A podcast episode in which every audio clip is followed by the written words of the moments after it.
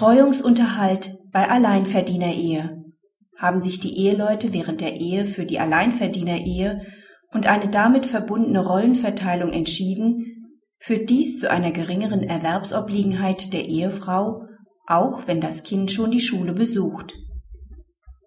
Die Eheleute haben 1998 geheiratet.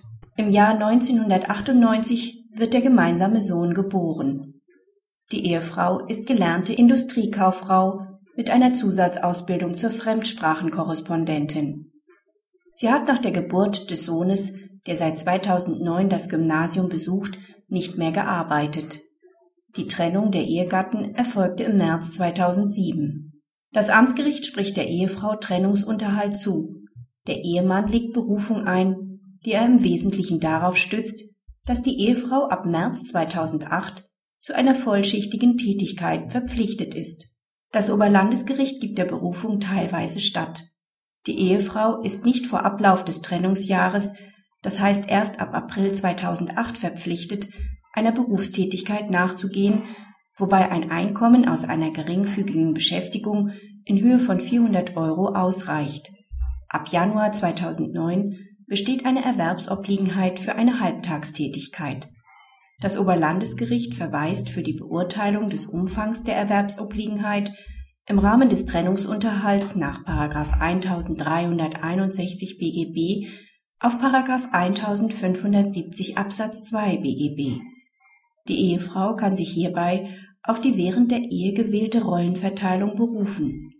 Der Ehemann hat bewusst in Kauf genommen, dass die Ehefrau auch nach Beginn der Schulpflicht des Sohnes keine Berufstätigkeit aufgenommen hat. Die Ehefrau hat aufgrund der langen Berufspause erhebliche Schwierigkeiten beim Wiedereinstieg in das Berufsleben. Hinzu kommt, dass sie ihre Zusatzausbildung nicht mit hervorragenden Noten bestanden hat. Eine Stelle als Fremdsprachenkorrespondentin zu finden, ist aufgrund der fehlenden Sprachpraxis äußerst schwierig. Der Umstand, dass die Ehefrau während der Ehe keine Fort- und Weiterbildungsmaßnahmen betrieben hat, ist eine Folge der gewählten Rollenverteilung in der Alleinverdienerehe, in welcher sie für die Haushaltsführung und Kinderbetreuung zuständig war. Der Ehemann muss sich dies entgegenhalten lassen. Der Ehefrau ist daher maximal eine Tätigkeit als Schreibkraft oder Sekretärin mit einem Stundenlohn von 9 Euro zumutbar. Der Umfang einer 20-Stunden-Tätigkeit berücksichtigt die Belange des Sohnes, der inzwischen das Gymnasium besucht. Die Ehefrau ist hierbei verpflichtet, die von der Schule angebotene Mittagsbetreuung jedenfalls bis 14 Uhr zu nutzen. Wie lange eine Halbtagstätigkeit ausreichend ist, lässt das Oberlandesgericht offen.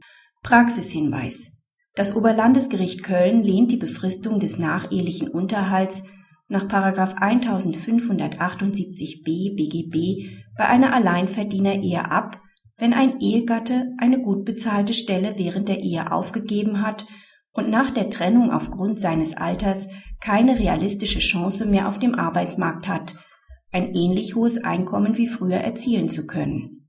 Die Ehedauer ist dabei nachrangig. In der konkreten Entscheidung waren die Eheleute bis zur Trennung nur fünf Jahre verheiratet